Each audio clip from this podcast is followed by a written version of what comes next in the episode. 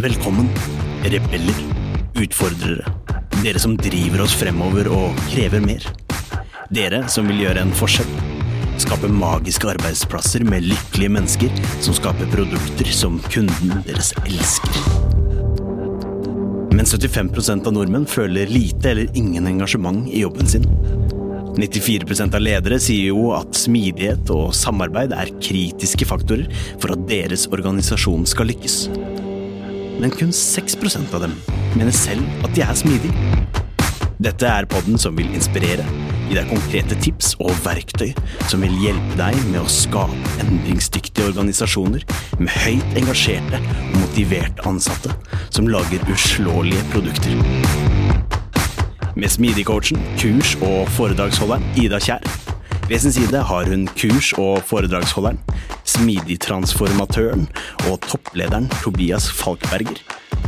Sammen har de over 20 års erfaring med å jobbe i og lede smidige team og organisasjoner. Nå kjører vi! Hei og velkommen til en ny episode av Smidigpodden. I denne episode har vi besøk av Espen og Jørgen fra Supersteria. For de har nemlig gjennomført en undersøkelse der de sett på smidige voksesmerter i norske bedrifter. Dette har de gjort gjennom å intervjue 18 ledere for å bedre forstå hvorfor smidige voksesmerter oppstår i norske bedrifter. Så hvilke voksesmerter kan oppstå når en virksomhet ønsker å øke bruken av smidig? Hvilke symptomer burde virksomheter være obs på?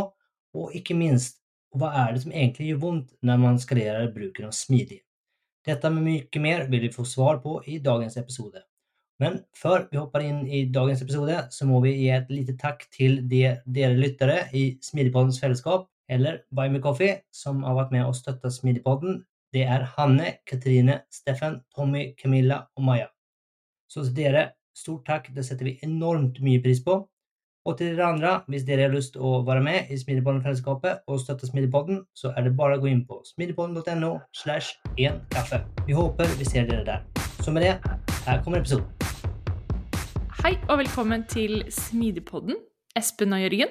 Takk for det. Veldig, veldig fint å ha dere på besøk. Og i dag har vi et kjempespennende tema, for dere har gjort en uh, veldig, veldig interessant undersøkelse. Men før vi hopper ned i den, så har dere kanskje lyst til å si noen ord om dere selv?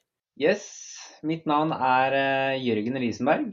Jeg uh, jobber i Soprasteria sammen med Espen i en avdeling som heter Business Consulting og innenfor et eh, fagområde, eller det vi kaller communities, som heter innovasjon og forretningsdesign.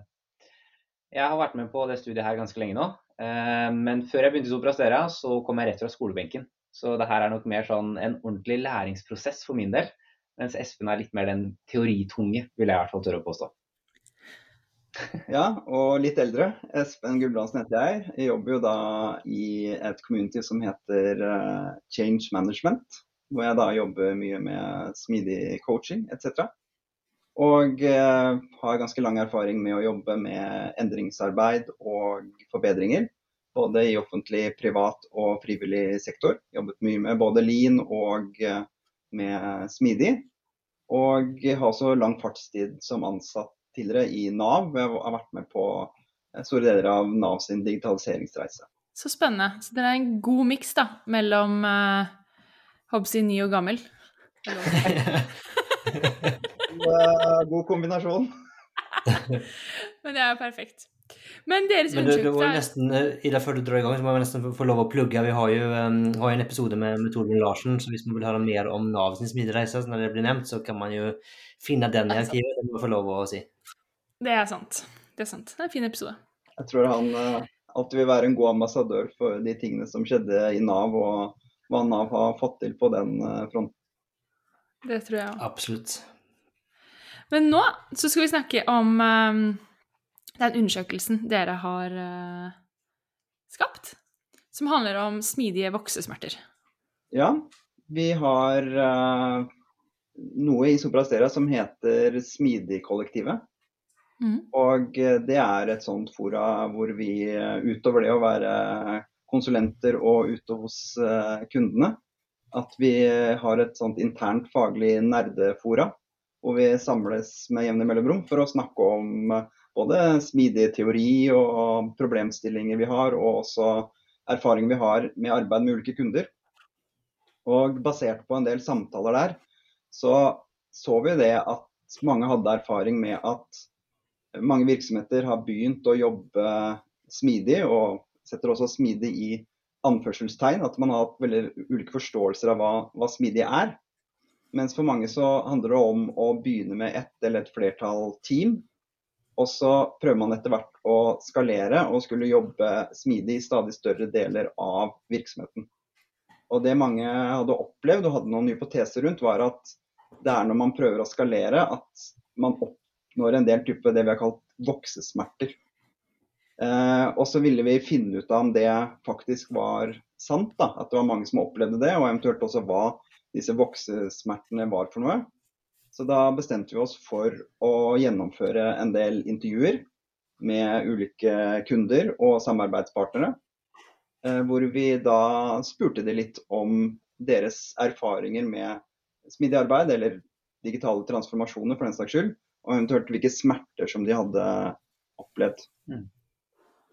Så, vi er jo mye ute i markedet som konsulenter, så vi hadde jo en eh, kall det intern uh, hypotese. Men vi så jo også i markedet hvor vi opererer at uh, man må være ordentlig på tærne. Man må hele tiden sørge for å bevege seg fremover. Så vi visste jo også at man, man kunne ikke lenger operere sånn som man er vant til å operere som, som virksomhet. Så ja, vi hadde både, både, et eh, syn utover fordi vi er konsulenter, og så hadde vi en hypotese internt som gjorde at vi ville sette i gang med et litt større initiativ. Da. Mm. Hva var hypotesen? Oh, det er en ordentlig munnfull. Eh, hypotesen vår var Uavhengig av hvor lenge og i hvilket omfang virksomheter har jobbet med smidig som tilnærming til verdiskapning, opplever de friksjon mellom gammelt og nytt når de forsøker å skalere smidig. Mm. Den er ganske så lang, men essensen her er jo at selv om du nettopp har starta og skal bli litt større, eller om du har holdt på lenge og skal bli enda større, så kommer du nok til å møte på noen problemer. og Det er denne friksjonen da, som vi refererer til i hypotesen vår. Mm. Og det vi, det vi, her mener med, med, gammelt og nytt, det er jo da den vridningen fra hierarkier og eh, siloer i organisasjoner og eh, tradisjonell styring med utropstegn som eh, trigler ned i organisasjonen, over mot mer nettverksbaserte tilnærminger til å jobbe med verdiskaping. Og nettverk av team og det å delegere myndighet etc. Mm. Så Det er den friksjonen da, mellom det vi kaller gammelt og det vi kaller nytt. Mm. Hvordan eh, bestemte dere for å liksom, ja, begynne med, med, det her? Um, og så har dere da valgt ut noen selskaper. Kan dere si litt om liksom, uh, hvorfor dere valgte det dere valgte, og hva det var basert på? og liksom hvilke, Kanskje ikke kan nevne noen navn, men kanskje liksom gi noen eh, kategorisering her? Eh, type bransjer eller hva det kan være som, som har vært med her? Ja, eh, vi hadde 18 forskjellige intervjuer. Eh, alle disse var semistrukturerte, så vi hadde noen spørsmål eller kategorier som vi ville innom. Og vi hadde ganske god representasjon. Vi hadde folk eller eh, virksomheter fra handel og service, helse, bank og forsikring, forsvar og nasjonal sikkerhet, og offentlig. Og Fordelingen mellom offentlig og privat var to tredjedeler offentlig og én tredjedel privat. Så vi fikk ganske god eh, dekning, syns vi selv. Og ja, eh, interessante resultater som vi håper at eh, flere kan dra nytte av, rett og slett. Og Kriteriene da for å velge ut noen virksomheter, det var jo da at vi hadde kjennskap til at de hadde begynt på en eller annen form for digitaliserings- eller endringstransformasjon i smidig retning. Og at vi hadde noen kontaktpunkter der, enten direkte vi som satt i dette Nerd-smidig-kollektivet, eller via de ulike kundekontaktene som vi har uh, mot disse selskapene i Soplasteria. Skjønner, skjønner. Det er spennende. Um, kanskje før vi går inn, var det liksom um, Så dere liksom spontant noen forskjell mellom de private og offentlige, eller var det liksom var det samme tingene som, som gikk igjen? Altså, var det noen forskjell der, eller eh, var det ikke det? Eh, litt har vi tenkt på det uten at vi nødvendigvis greier å sette to streker under svar på det. Men en del av de offentlige var jo da eh, nokså store. Og hadde jo da hva skal jeg si, blitt født eh, for lenge siden og i en ikke-digital verden, eller i hvert fall en mindre moden digital verden. slik at det var en del store IT-systemer og eh, hva skal jeg si, ganske store brytere da man måtte vri på når man skulle gjøre endringer. Mens det gjaldt også noen av de private, mens i større grad så var noen av de private også mindre og det man da kan kalle born digital. Sånn at de hadde jo mer Eh, starta veldig smått og skalert seg opp, og da nådd noen utfordringer. Mens en del av de større virksomhetene, da, enten det var privat eller offentlig, de, de hadde en del gammel eh, både kultur og eh, struktur og prosesser som, som vi dytta borti da når vi stilte spørsmål til disse folkene. Og de, de folkene dere fikk lov å snakke med, hva, hva hadde de typisk for for måte, ansvar og roller, da? Vi sikta oss inn på enten ledere eller mellomledere som enten hadde personalansvar eller resultatansvar. Og folk som hadde vært eh, delaktige da, i endringsprosesser, og gjerne da smidige endringsprosesser. Så de hadde sittet tett på eventuelle smerter eller friksjoner som hadde oppstått eh, på veien. Vi prøvde vel å få litt eh, forskjellige nivåer på respondentene våre, men vi sikta vel relativt høyt, kan vi vel kanskje si? Noen satt i toppledergruppa, og noen satt gjerne på nivået under. Og kjennetegnet for alle var at de var en eller annen form for entusiast og ildsjel internt i virksomheten, og pådriver for eh, endring, endring da, i smidig retning. Så det var godt måtte, si, innforstått i problemstillingen og de spørsmålene som dere stilte, så det var liksom vel eh, hva skal jeg si, ja, velforstående? Ja, vi hadde nokså samme forståelsesapparat. Dette spørsmålet var også sånn hva, hva forstår dere med smidig eller agile eller eh, digital transformasjon? Og da fikk vi tuna inn på at vi hadde nokså eh, samme forståelse av hvert fall de hovedretningene i, i i, i, kraft av endring mot uh, hier, uh, altså fra hierarkier over mot mer nettverksbaserte organisasjoner med delegering av myndighet og sterkere fokus på, på verdiskaping.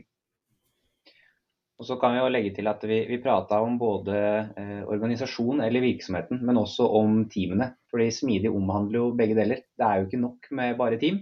Det må også være støtte og ja, at man får hjelp fra, fra, det rundt i organisasjonen. Så vi prøvde å, prate om begge deler da, i disse semistrukturerte intervjuene våre.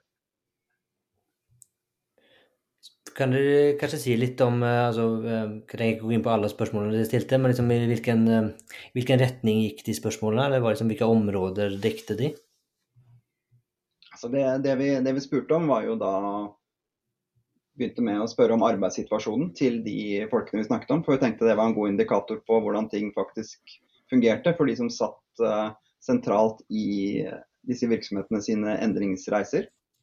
Og så spurte vi også om hva de kunne fortelle oss om den digitale eller smidige reisen som virksomheten hadde vært på. Uh, hva slags typer uh, hva skal jeg si, det vi har kalt voksesmerter, da, eller pains, de hadde kommet innom på, på, sin vei, enten de da hadde jobbet med det i ett år eller to år eller fem år eller ti år. Og også da hvordan eventuelle da friksjon mellom det vi da kalte gammelt og nytt eh, så ut. Så prata vi også litt om arbeidshverdagen, egentlig. For å få litt forståelse rundt dette med jobber de egentlig smidig? Selv om de Eller ja, de sier at de jobber smidig, men gjør de det egentlig? Så det var også interessant å se og høre litt om hverdagen deres. da. Hmm. Hm. Men når du sier at um, Hva det nevnte som uh, indikatorer på voksesmerter, var det det du sa? Hva var det de fleste kjente på? Altså, sånn det, altså, hvis man går til doktoren, så kommer man jo gjerne dit med en eller annen vondt i armen eller føler meg litt dårlig eller et eller annet. Altså noen symptomer. Eh, så det som gikk igjen av typer eh, symptomer da, som de begynte å snakke om, det var jo da at de ikke nødvendigvis så noen sånne effekter på virksomhetsnivå. At de hadde greid å måle eller sette to streker under svaret av å, å, jobbe på nye måter. Altså jobbe på måter i riktig smidig retning. Så det var det fokuset på virksomhetsnivå. Og så sa de også at eh, de en del steder også ikke opplevde at teamene fikk den farten de hadde trodd at team skulle få, når de eh, begynte også å jobbe mer i smidig retning da, og etter smidige metoder etc. Og et, et, sitat da, fra, fra rundt nettopp det der, eh, som satte oss på sporet av liksom, hvorfor, hvorfor opp, opptrer disse symptomene. Det var bl.a. det at den store utfordringen er at resten av organisasjonen fortsetter som før, men likevel forventer endring fra disse teamene. Så det, det satte oss nå på sporet rundt eh, forståelsen av forhold mellom team og teamets eh, omgivelser da, og det mulighetsrommet som man får eh, til å levere verdi på nye måter. Ja, fordi hva betyr um, Jeg tenker når jeg, når jeg, hører det sitatet, så blir jeg sånn Forventer endring fra teamet. Hva legger hva, Sa de noe om hva de la i det? Var det eh, endring i leveransehyppighet, måten de organiserte seg på, eh, brukerinvolvering i produktet sa de noe rundt det, eller var det der, varierte nok modigheten mm. ganske mye. fordi en del av de tingene du nevner her forutsetter også en god modning i, mm. i, uh, i, organisasjonen for å etterspørre nettopp disse tingene. Mens mm. uh, en del steder så er det nok sånn at man forventer at uh, teamene skal komme opp med en eller annen løsning fortere. Eller en eller annen fullstendig løsning fortere. Og da kanskje teamene blir litt vel Eller omgivelsene rundt teamet blir litt utålmodige når eh, teamene graver seg liksom ned eller inn i sin egen uh, forståelse av å avdekke brukerbehov og uh, etc. Mm. Så det, det var en av aspektene rundt det der, tror jeg. Og så kan det jo også, uten at det nødvendigvis var et funn, tyde på at forståelsen rundt smidig varierer i veldig stor grad i organisasjonen. Fordi da sitter det kanskje noen ute i organisasjonen og mener at smidig det angår bare teamene. Og sånn sett så forventer de leveranser fra teamene og ikke helt skjønner sin egen rolle oppi smidig. Mm. Ja, for det var litt min tolkning når du sa det, at det var som at det er kanskje en forskjell på en måte altså, de eh, Ledere her, de, de, lever ikke som de lærer, da. At de kanskje sitter og kanskje indirekte sier at, at her er det måtte tillit og åpenhet er viktig, og så Eh, forventer det, men så er man kanskje ikke der i det hele tatt selv. Da, at man liksom eh, ikke har tatt inn over seg at, eh, at det handler veldig mye om, om, om, kultur og veldig mye om ledelse. Da. Ja, og det, og det du sier der, toucher jo inn på en av hva skal jeg si, hovedfunnene våre. Da, om at uh, endring, i den grad toppledere har vært involvert i å ville jobbe, at virksomheten skal jobbe mer smidig, uh, at uh, den i mange tilfeller er mer toppønsket enn at toppledelsen har eh, tatt inn over seg hva det innebærer å jobbe på vesentlig andre måter. Og eh, hvis man ikke har den backøvingen, så er jo da summen av egentlig mye av det vi har funnet ut, at da får man heller ikke til å vri på de store knappene. Da blir det veldig mye sånne enklavevirksomheter, at man kan få til noe, men man når ulike former for for glasstak. da. Mm. Og verken teamene får de ram, eh, liksom internt det de kan ha kontroll på selv. Eh, eh, en forståelse for eh, hvordan de kan jobbe mer effektivt, men at rammene rundt teamet heller ikke blir tilpassa denne nye måten å jobbe på. Unnskyld at jeg forstyrrer deg midt i denne superspennende episoden. Men jeg vil bare minne deg om Smidigpodden-fellesskapet. Kanskje har du lyst på eksklusiv tilgang til foredrag, kurs og masse masse mer. Eller kanskje du bare liker denne episoden spesielt godt. Eller kanskje du bare syns Smidigpodden er som plommen i egget eller rosin i pølsa om du vil, og vil vise at du setter pris på oss. Da må du gå inn på smidigpodden.no én kaffe for å bli en del av Smidigpodden-fellesskapet. Håper å se deg der. Når du snakker om tilrettelegging av rammer, så syns jeg det er veldig veldig interessant det du er inne på. Det er noe jeg kjenner godt igjen fra tiden i DNB. Akkurat dette her med liksom tilrettelegging og ja, sette i stand teamene til å klare å, å levere, da. Og, og, så ser man jo i hvert fall erfaringsmessig at uh, du kan på en måte tippe over begge veier, da. At det kan bli litt for mye tilrettelegging noen ganger, og andre ganger litt for lite. så jeg vet ikke om dere har gjort noen erfaringer rundt det? Det vi så var jo at smidig var ofte drevet frem av fagentusiaster. Så det var, eh, det var entusiastene og nerdene, kanskje vi fire som sitter og prater her mm. nå, som var driverne for det, fremfor en del av virksomhetsstrategien.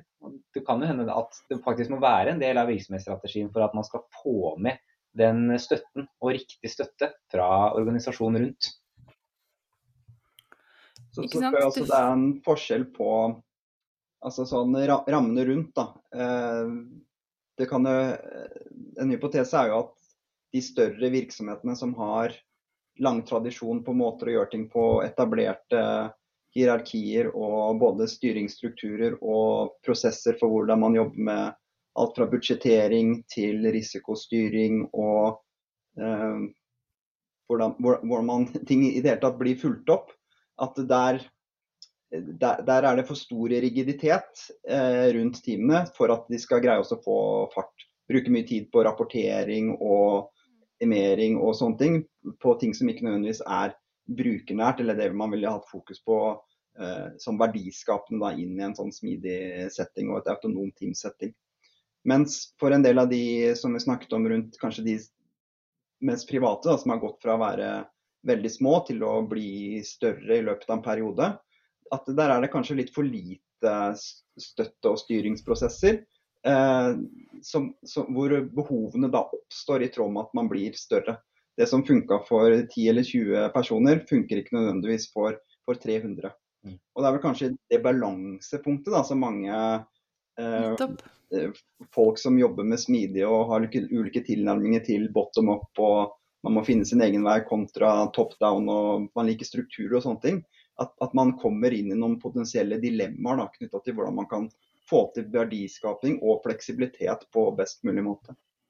Mm. Jeg syns det er veldig interessant det dere er inne på der, for det er også sånn erfaring jeg har fra store selskaper, da, dette med at det blir litt overload på, på, på, dette med rapportering og prosesser og rutiner. Og man ofte man glemmer hvorfor man har de prosessene man har.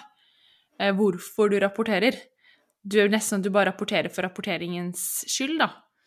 Um, som ofte gjør at det er veldig lite hensiktsmessig, da. Og det tror jeg er mye av utfordringen til sånne organisasjoner, at du liksom bare hele tiden Du legger på med nye lag ikke sant, av rapportering fordi at den, det du har, kanskje ikke fungerer Du får kanskje ikke den informasjonen du trenger, fordi, men det spørsmålet du egentlig glemmer å spørre, er hvorfor vi gjør det i utgangspunktet. Ja, men jeg tenker også at det går litt andre veien. For mange ganger så opplever jeg kanskje at uh, alle disse tingene her er jo der av en grunn. Eh, og så kan man liksom kanskje være uenig eller enig i at det er riktig ja, måte å løse det på. Men så kan det være at Nei, ikke alltid, men, men, men altså, det, er ofte, det er i hvert fall et informasjonsbehov, da, kan du kanskje si. da. Så, det er det. Og da, må du få løst det. Eh, og det at måtte, fjerne det som eksisterende er kanskje ikke måtte, nødvendigvis løsningen på det underliggende behovet. da. Og det er jo også men, kanskje en grunn til at du ofte møter motstand. da. Mm. Så det er, jo, det er, jo, flere elementer vi potensielt kunne kommet inn på der. Det ene er jo behov for kontroll. Og så kan man spørre seg hvorfor har man behov for kontroll på ulike steder i organisasjonen. Enten det handler om ulike ledere eller ledernivåer, eller det handler om de som sitter på, på pengesekken og må svare til noen over seg. F.eks. i offentlige virksomheter da, hvor du har et budsjett hvor du skal svare til et departement, eller i og for seg andre interessenter i privat, en privat virksomhet. Um, men, men, det er jo noe med at uh, Vi har et eksempel med at i en av de virksomhetene som vi snakket med, så hadde de tatt Når de ville begynne å jobbe på smidige måter, og det hadde de hatt en strategi på erfaring med i over ti år, så hadde de tatt og løftet de teamene ut av den ordinære organisasjonen. Tatt en heisekran og løfta de ut av rapporteringsregimer og kobling direkte til linja og over en egen organisasjon. Og så fikk mm. teamene ganske god fart inn i denne nye organisasjonen, fordi der var det A, folk som ville eh, jobbe på nye måter, og de eh, hadde en del sånne skjerming, da, at det blir mer, mindre friksjon i, i, isen, hvis man ser på en sånn curling, eh, curlingstein. Eh, mens det som skjedde over tid, det var jo at de her eh, teamene som jobbet i denne eh, heisekranorganisasjonen, hvor de var løfta ut, de fikk ikke nødvendigvis den tilknytningen til linjeorganisasjonen, slik at det ble et, en avstand mellom forretningsbehovene og forretningen og da eh, teamene. At uh, istedenfor å da kunne jobbe mer fleksibelt da, med å kunne prioritere hva team skal jobbe med. Så blir teamene at man bare har man først blitt etablert for to år siden, så holder man fortsatt på med mye av det samme. og Det blir feature toggling og, og finpussing på knapper, framfor at man jobber med vesentlig andre forretningsområder. Så der eh, tilbake til det vi snakket om rundt eh, Det handler jo om noen mekanismer da, for å koble sammen forretningsbehovene sånn overordna sett. De som har ansvar på ulike nivåer for ulike forretningsområder, og også da de som settes til å gjøre utviklingen i form av uh, ulike utviklingsteam. Mm. Snakket dere, Dette er kjempeinteressant. Snakket dere med de organisasjonene som har gjort dette her, snakket dere noe med dem om fordi når du, når du tar en del av organisasjonen ut på den måten, så, så, er det jo på en måte smart i den formen at de får lov til å fokusere for seg selv, og de får være selvstendige, og det er en del du får tilrettelagt på en veldig god måte. Men, men den store nedsiden ved det er jo nummer én, du, altså det du nevner, men også det at det, det blir jo vanskeligere å, å, trekke på den gode læringen som det teamet gjør, og faktisk skalere smidig innad i organisasjonen igjen. Eh, snakket dere noe om akkurat det dilemmaet der? Altså sånn, ja, det er mye positivt med det, men det er åpenbart også veldig mye negativt? Vi hadde en del funn rundt dette med kultur, og at det ble en mm. veldig sånn todeling på kulturen. Det ble liksom de, de smidige, eller de nye, og de tradisjonelle og de gamle. Eh, og, og det her skapte veldig mye friksjon. Um, og på denne dimensjonen så hadde de vi prata med en god del selvinnsikt. De sa at dette med, med demoer og involvering ville redusert den friksjonen. Det er jo egentlig um, det problemet blir jo veldig tydelig når det er så stor avstand. Da, da er det ikke så lett å ha disse demoene og involveringene på tvers. Så mm. den todelingen ble veldig veldig tydelig når man isolerte den smidige enheten i for stor grad i disse virksomhetene. Mm. Ja, man kunne jo, kan jo tenke, eller jeg tenker at man kan argumentere for at altså, hvis du klarer å implementere smidig fullt ut, hvis, hvis det en gang er mulig, da, så er det i hvert fall så er du jo over på at det er en, en, kultur i selskapet. Så det er jo ting du egentlig gjør uten at du tenker på det. Det er bare sånn, sånn vi gjør ting her. Um, og, og da er det jo hvis man tenker at, at, du har fått til det i en, i en, del av organisasjonen, men ikke i en annen, så har du jo da klart å etablere egentlig to helt forskjellige bedriftskulturer i samme bedrift. Mm. Um, og da er jo eh, da, ja, da, er du, ja, da har du virkelig kanskje skapt et problem for deg, da, for da er det jo så to forskjellige kulturer, og det vil jo Du vil i hvert fall ha friksjon mellom de to, da, tenker jeg. Mm du vil ha friksjon, og, og, den ene siden av det er jo at hvis det i det hele tatt er at eh, toppledelsen har vært involvert i å si at vi skal jobbe på den måten. Noen steder er det det, andre steder så er det jo mer entusiasmer. Og et eh, sitat som vi, vi elsker å, å, dra fram, var noe vi hørte i et ganske tidlig intervju. Det var jo at eh, vi i IT glemte å fortelle resten av organisasjonen at vi hadde begynt å jobbe smidig. Og, og det, det syns vi var ganske betegnende, og det fant vi igjen hos mange også. At det, det var et initiativ som kom fra hva skal kalle det, IT-siden. Mens forretning ikke hadde noe eierskap til det. Og så får man jo da en modellmakt rundt ting. Og du, hva skjer når man skal jobbe med endringer? Jo, man får fort litt motstand. Eh, og hvis man ikke greier å løse opp i den motstanden og få et felles eierskap til det, så, så setter jo folk eh, hva skal jeg si, på seg sementtøflene og ikke nødvendigvis ønsker å bli med på den endringen som, eh, som kanskje er nødvendig, da, hvis man har greid å se det på et mer objektivt måte, eller fått et felles eierskap og engasjement rundt ting. Da. Mm. Ja, for det er jo ofte, det har jeg hørt mange ganger, at smidig det er, sånne, det er en IT-greie. Det er ikke noe som berører oss. Det er noe de driver med. Og det er klart at hvis man eh, utfordringen altså det kan jeg tenke meg, det er fort at det blir sånn i en kontekst der sånne ting her skjer. da, uh, At man ikke har Man skaper ikke den eierskapet, man skaper ikke den forståelsen, og at det blir noe bare Det var noe vi gjorde, og så Oi sann. Dere kanskje burde ha vært hvert fall informert. Så, så, det er jo, ja Jeg Kan tenke meg at det fort blir problematisk. Og, det, det, vi spurte jo også en del rundt det de kalte de smidige teamene sine. Da, og noen steder så var jo det team som var hva skal jeg si, rene IT-utviklingsteam. Mens andre steder så var det mer da kryssfunksjonelle team hvor også fagsiden var representert og involvert, og også andre funksjoner, da, sånn type de som hadde eh, noe med compliance å gjøre og juridiske aspekter eh, etc. Mens så, så, så, så, litt det at uh, når, noen begynner å snakke inn i organisasjonen om at vi jobber smidig, eller i dette tilfellet IT-siden snakker om at de jobber smidig, så er det ikke nødvendigvis sikkert en sammenheng mellom smidighet og at man f.eks. bruker scrum eller kanban som en tilnærming i teamene. Uh, at man ikke liksom har hevet seg nok opp til å liksom se hva det, det handler om knytta til felles forståelse av brukerbehov, eh, eh, reell eh, ønske om å levere verdi, eh, nysgjerrighet på hva kunder og brukere har av input og justerer ut fra det, og, og, og den type ting.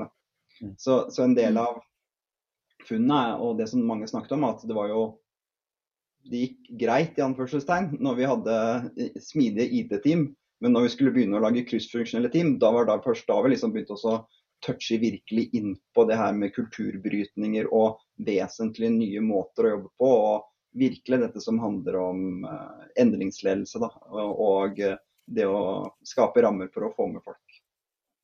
Mm. Ja, det, ja, jeg kjenner igjen meg. Det er veldig, veldig interessant. og det er jo at, uh, At gjøre smidig, eller gjøre smidige ting, er jo, er jo forholdsvis enkelt. Um, mens liksom når du går inn i liksom det kulturelle og mindset-biten, det er da det begynner å bli vanskelig. Og mye av det man gjør, er jo Jeg tror jeg har sagt det før, men at, at vi gjør jo det for at vi har tro på, eller vi vet at det er riktig, ikke for at det er lett. Mm. For det er jo ofte at det, det, det, gamle og tradisjonelle er jo mange ganger veldig mye enklere. Og det er jo veldig mye enklere å jobbe sammen med folk som kan de samme tingene og mener de samme tingene som deg. Det er jo veldig vanskelig og behagelig å hele tiden bli utfordret og liksom diskutere ting, og folk har helt andre meninger. Så du vil jo hele tiden Du har jo en tyngdekraft som trekker deg mot det, liksom det, det mer minste motstandsvei, da. Ja, og Det tror jeg er liksom kanskje viktig å måtte, ta med seg. Da, at du liksom har en, og det tror jeg even, altså, even oss som måtte brenne for det her og syns det er gøy, så er det liksom er du sliten en dag, så er det liksom litt deilig å ha noen som bare er, nikker med og er enig, liksom. Eh, så det, det er noe, noe der, da. Ja, absolutt.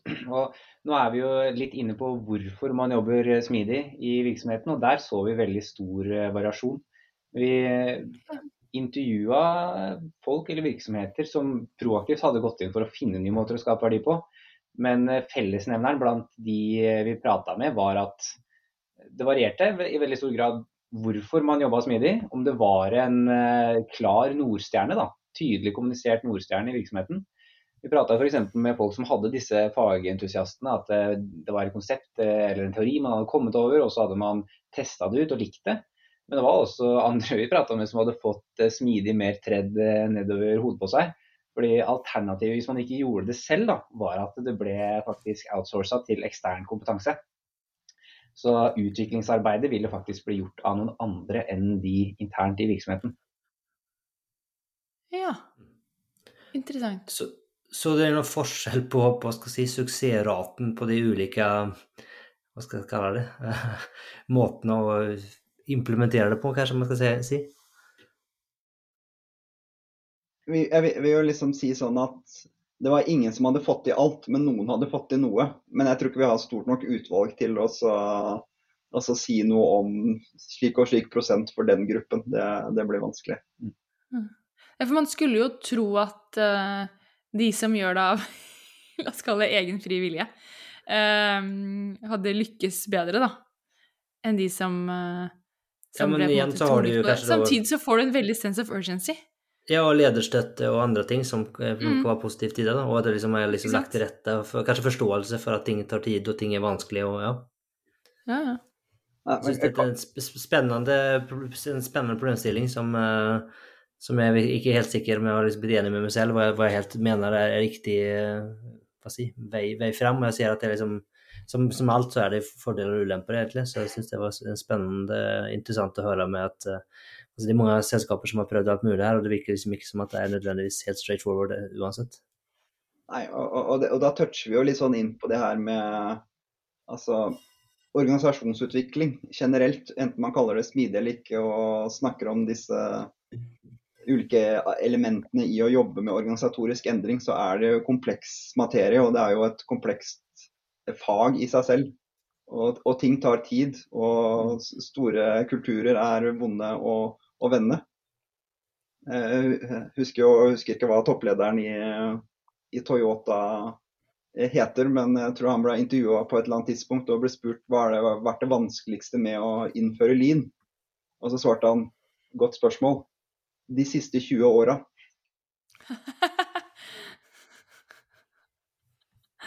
Ikke sant. Ja. Men jeg, ja. Men jeg tror jo her, altså Du sier, Tobias, hva som på en måte er mest riktig approach. Jeg tror det er litt det samme her eh, som vi ofte snakker om, at du må ha en god miks av på en måte bottom up og top down, da. Tror jeg er liksom essensen. Du må ha de smidige entusiastene som brenner for det, og så må du ha dem som setter retning på topp og prioriterer det. Absolutt. Og vårt utvalg her var nok mer prega av, eller gode da, på den tradisjonelle toppledelsen og den top-down-tilnærmingen fremfor de skalerbare nettverkene av team lenger nede i stacken. Mm. Så, skal, så skal det jo også sies at altså sånn, enten man har noe top down og et ønsket og en forståelse for hva smidig tilnærming handler om, og endringer i retning av mer nettverksbaserte eh, måter å løse oppgaver på, og autonomi eh, etc.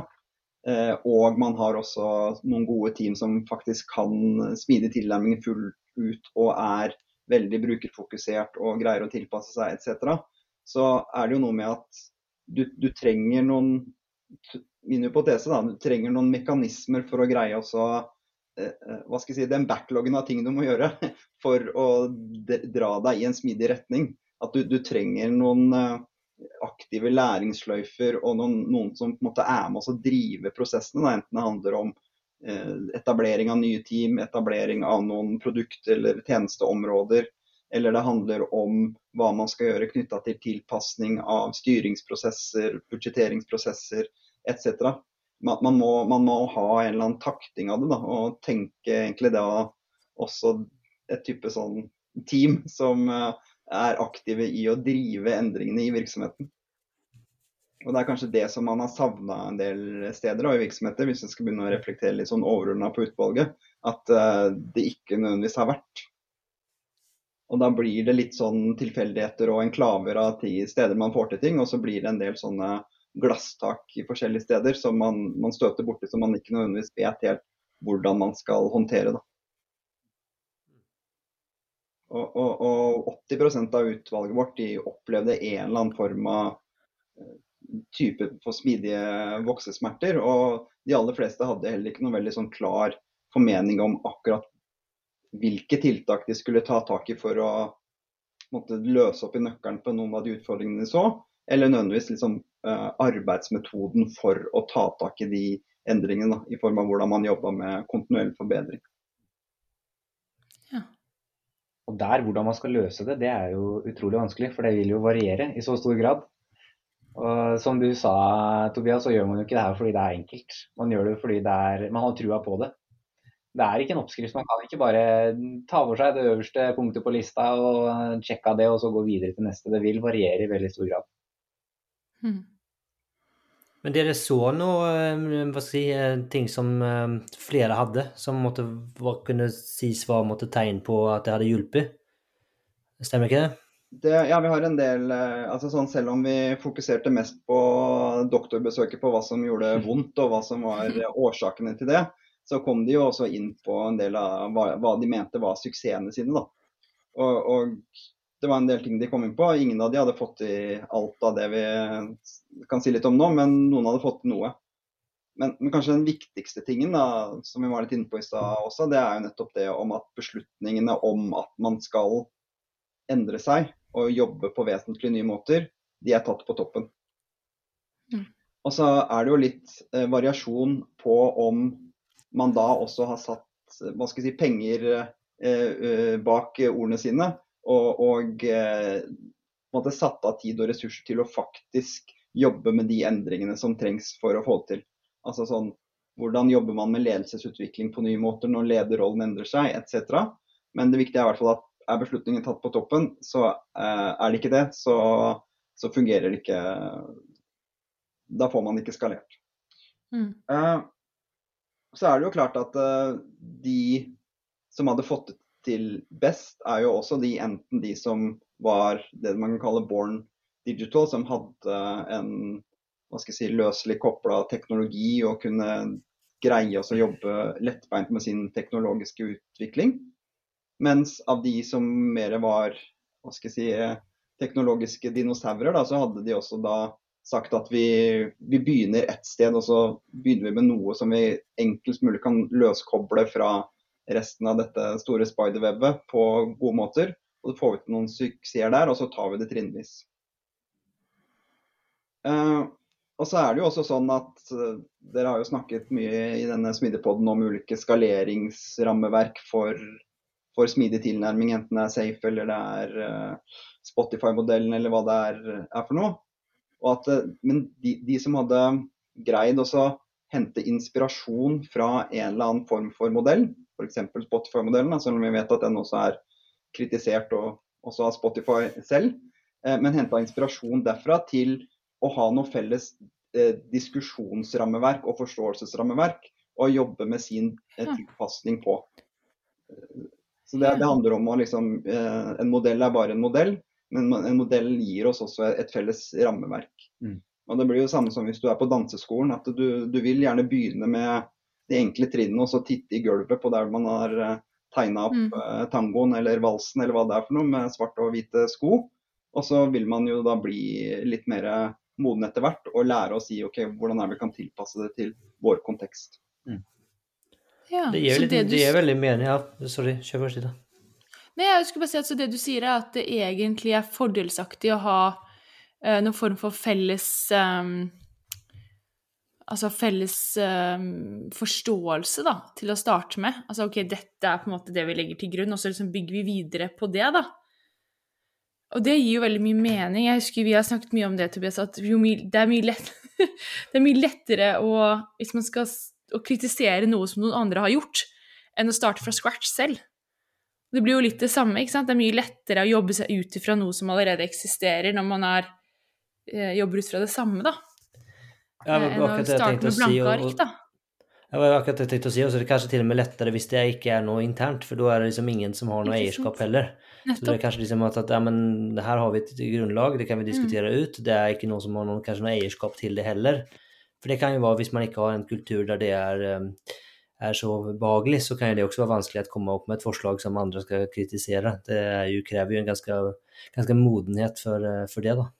Mm så skal det også sies, og nå, nå, hopper vi i for seg litt ut av direkte funnene fra, fra undersøkelsen, men, men altså sånn, apropos denne danseskolen og de enkle trinnene. da, altså Det å ha noen enkle rammeverk å forholde seg til å begynne med, framfor å nødvendigvis ha et ganske stort rammeverk som krever mange endringer mm. på én gang. Altså sånn, Jo mm. enklere, jo mer fleksibelt kan det være, og jo mer kan man tilpasse det til egen virksomhet. da.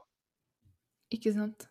Og et, et, mm. rammeverk eller en teori rundt smidig, smidig, kan jo kanskje ha en ganske klar definisjon på hva smidig betyr. Men eh, vi tror jo egentlig at, smidig, at, det er nyanser av smidig, og hva smidig betyr for de ulike virksomhetene også kan variere. Så det kan jo også være fordelaktig å definere hva smidig betyr for seg og sin virksomhet, og også hva skala faktisk betyr. For Det er jo ikke sikkert at eh, skala nødvendigvis er kjempestort i hver virksomhet. Og at man da jobber etter sine egne definisjoner og forståelser. Interessant. Ja, ja for det er jo men, men, ja, jeg tenker også at For det, det kan jo Jeg tror at du er inne på noe der, for jeg tror at ofte kanskje der man prater forbi hverandre Det snakket vi litt om tidligere her i episoden, med at kanskje lederen har en forventning, og så har teamet en annen. ikke sant? Så det er liksom eh, fort gjort at man misforstår hverandre. Men så tenker jeg kanskje også at det er noe eh, Mest sannsynligvis vil jo den definisjonen endre seg med mer moden man blir. Så det er kanskje også naturlig å reflektere over at eh, det er ikke sikkert at den definisjonen man starta med, er den man måtte, skal ende med. Da. At man kanskje itererer rundt, rundt det òg, tenker jeg er en, eh, nok en viktig poeng her, tenker jeg. Mm. Litt, litt, tilbake til det vi nevnte i stad rundt noen som er ansvarlig for å hjelpe til med å drive eh, endringene. Da. Både liksom prioritering av hvilke tiltak, men også da fasilitering av ulike typer læringssløyfer og etc. Og det handler også ganske bredt om hvilken kommunikasjon man har i, i, i virksomheten. Altså hva fokuserer man på fra toppledelsen? Altså, altså Hvordan snakker man om forretningsbehov, hvordan snakker man om brukerbehov, hvordan snakker man om involvering, hvordan snakker man om verdi? Eh, det er klart at det også er ganske formelig for hva, eh, hvordan virksomheten blir. Husker liksom en re reklame for mange år siden uh, som handla om den jævla asfalten, hvor alle i virksomheten snakka om den jævla asfalten. Og da blir jo det den jævla asfalten som, uh, som man forholder seg til. Så Jeg husker ikke den reklamen, men Nei, ja. Få finne en link og så legge den ved podkasten, så noen kan se den. Jeg skjønner det ble litt abstrakt hvis du ikke har sett den. Jeg, jeg fikk jo den assosiasjonen til at du har sett den, men det er sikkert like abstrakt hvis du ikke har sett den, men det er en, en liten jente som sier en geit, og så sier hun til sin mor 'it's a fucking goat'. Så moren prøver å si nei, nei det er, it's, a, it's a goat. No, it's a fucking goat! Så noen har tydeligvis lært henne at det, det heter fucking goat. Da. Så det ja, sånn eh, språk, språk eh, er kultur, og det er formelig for uh, hvordan vi tenker om ting. Så Ja. samme poeng, tenker jeg. Men for, å- for, for å uke oss litt tilbake da, til de uh, Til um, det som folk lykkes med, eller elementene da, når man lykkes, da. Så vet jeg dere har noe rundt uh, målstyring. Ja, og dere har jo prata mye om eh, OKR-er, eller Objectives and Key Results, i den podkasten her. Og det vi så var at de som benytta seg av det her, eller andre rammeverk for eh, de fikk til smidig mye bedre. Da Mm. var det sånn tydelig hva, eh, hvor man skulle hen, og hva de ulike teamene skulle jobbe med. Mm. Da, Du var litt inne på dette med noe Å, unnskyld. Nei, på, på den måten, da, ikke sant? Det handler jo om å også få brutt ned eh, strategien over til noe som man kan forholde seg til i team. Og at team kan Mm. være med å ta eierskap til og si at denne delen av oppnå, av oppnåelse av strategien kan vi ta et ansvar for.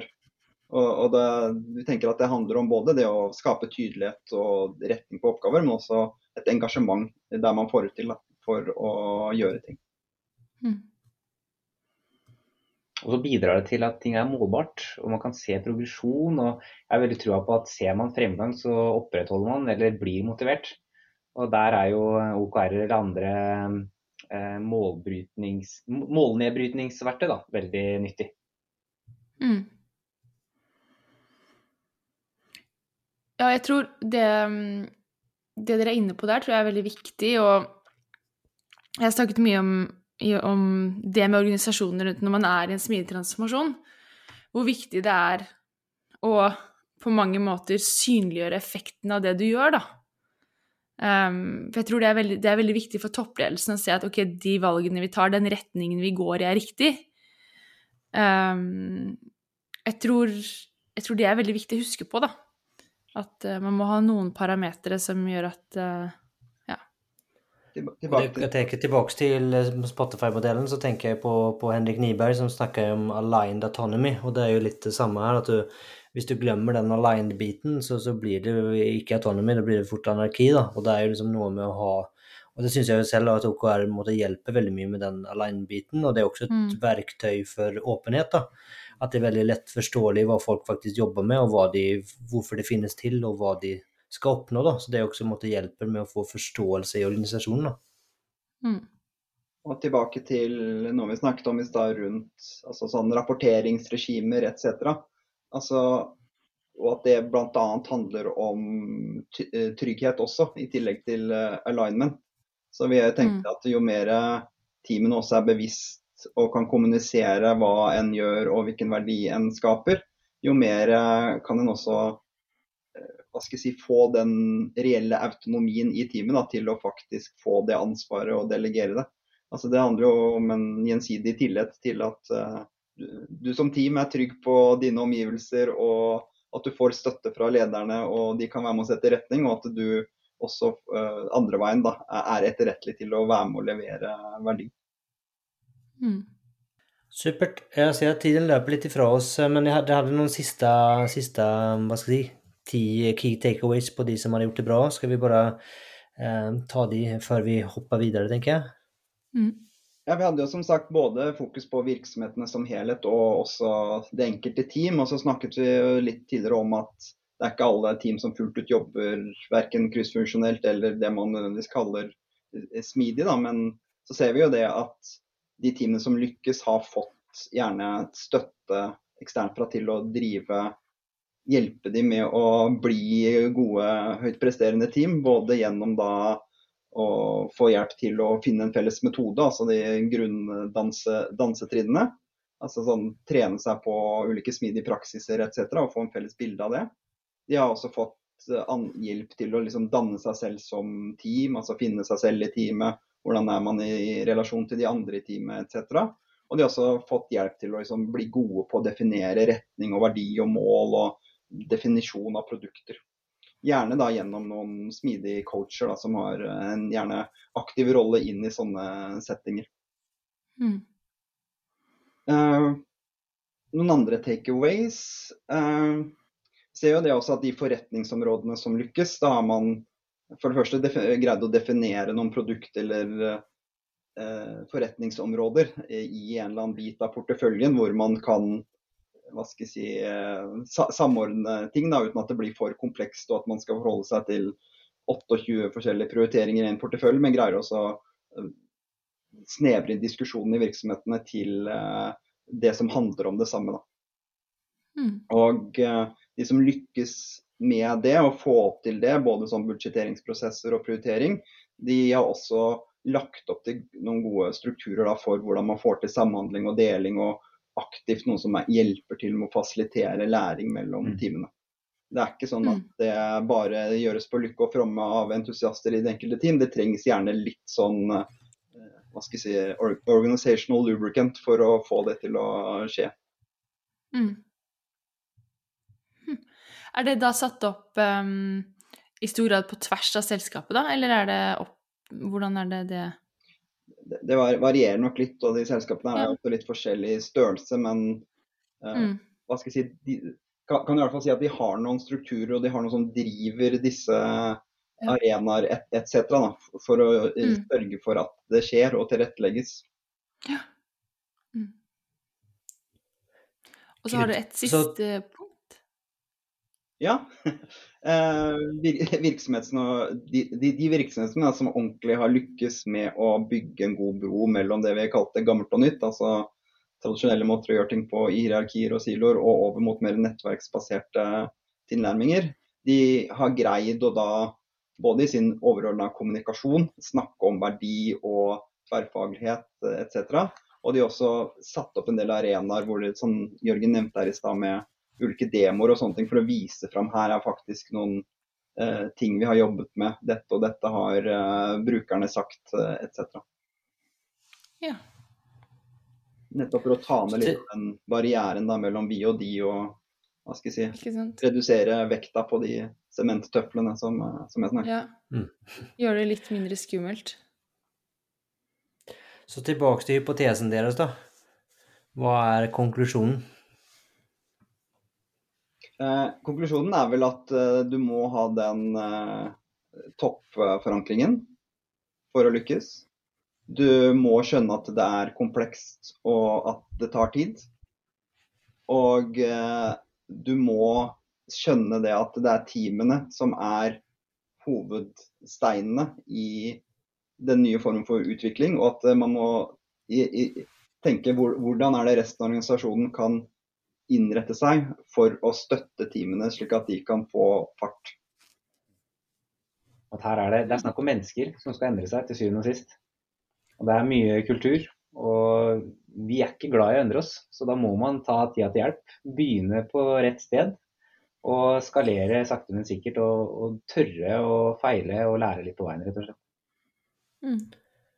Og det var, det var friksjon i, i alle selskapene dere snakket med? Det var vel, eh, du sa det i stad Espen, 80% som eh, sleit.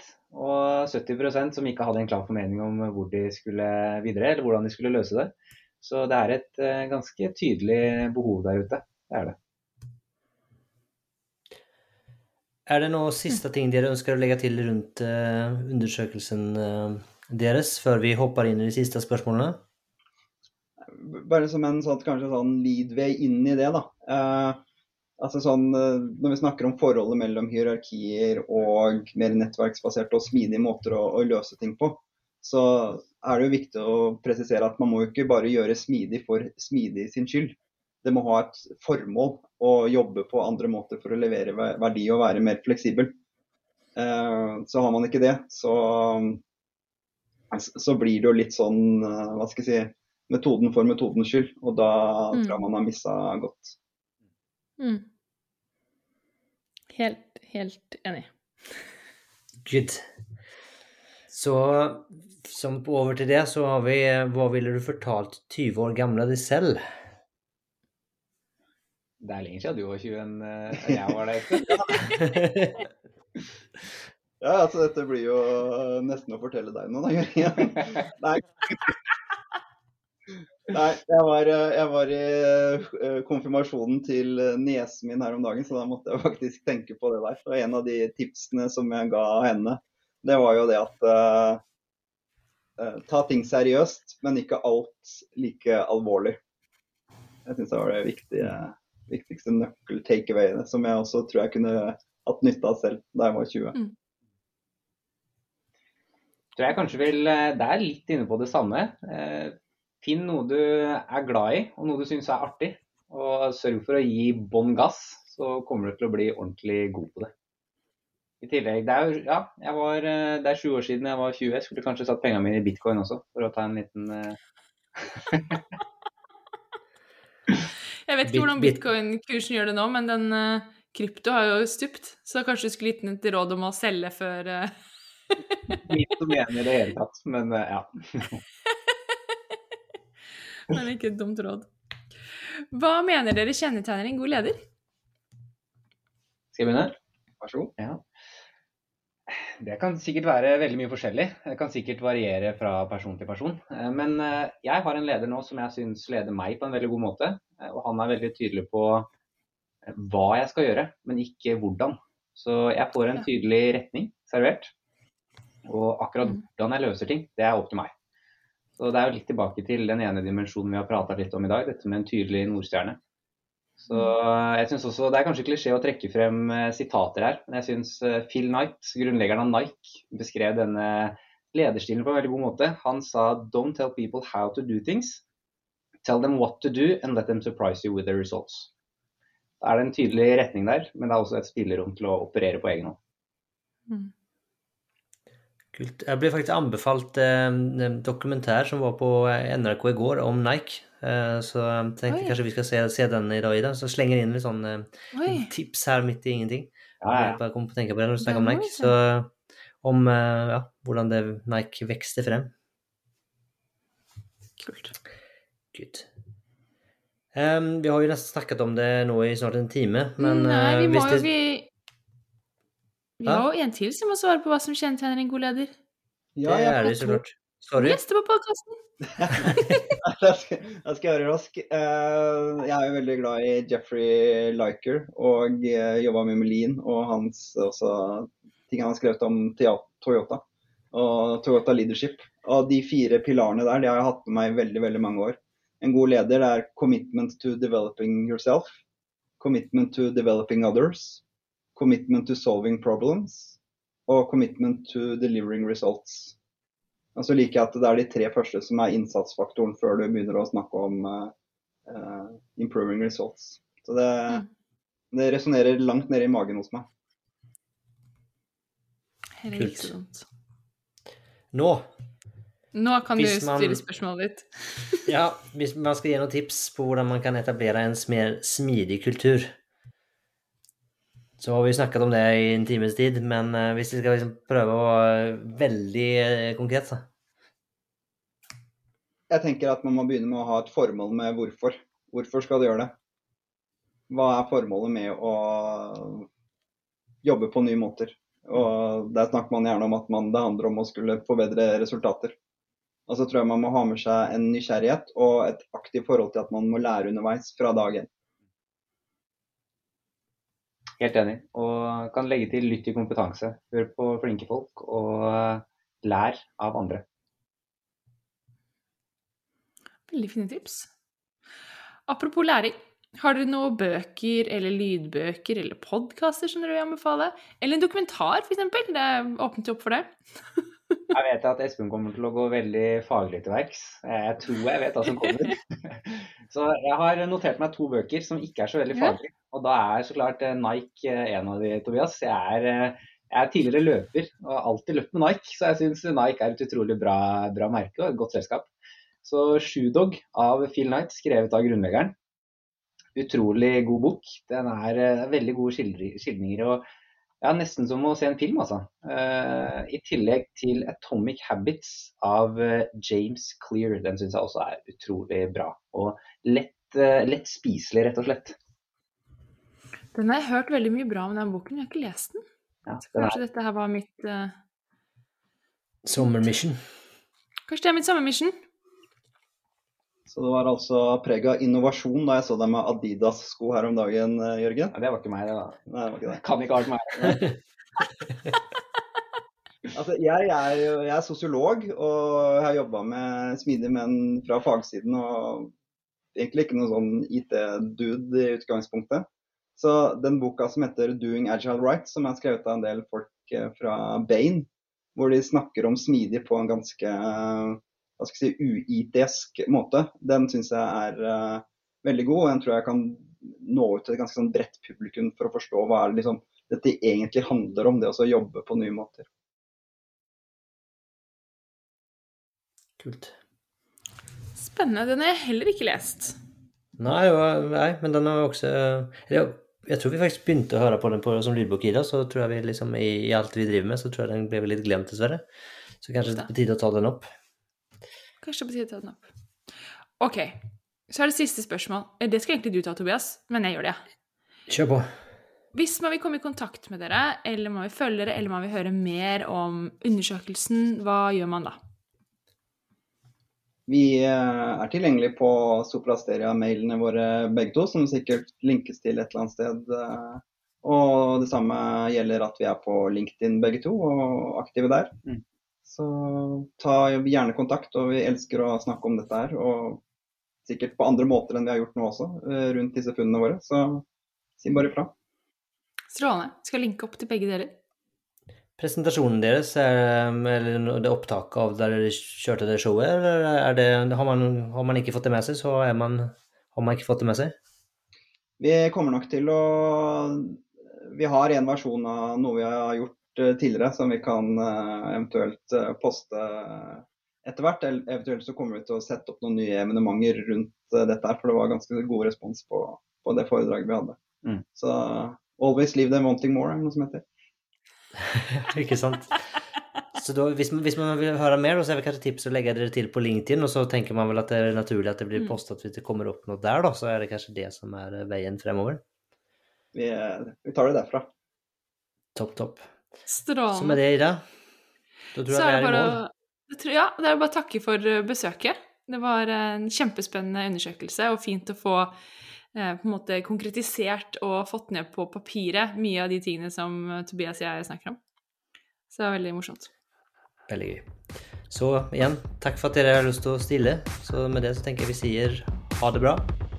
Ha det bra. Ha det bra. Ha det. Jeg vil bare minne deg om Smidigpodden-fellesskapet. Kanskje har du lyst på eksklusiv tilgang til foredrag, kurs og masse, masse mer. Eller kanskje du bare liker denne episoden spesielt godt. Eller kanskje du bare syns Smidepodden er som plommen eller rosin i pølsa om du vil, og vil vise at du setter pris på oss. Da må du gå inn på smidigpodden.no skråstrek en kaffe for å bli en del av Smidigpodden-fellesskapet. Håper å se deg der.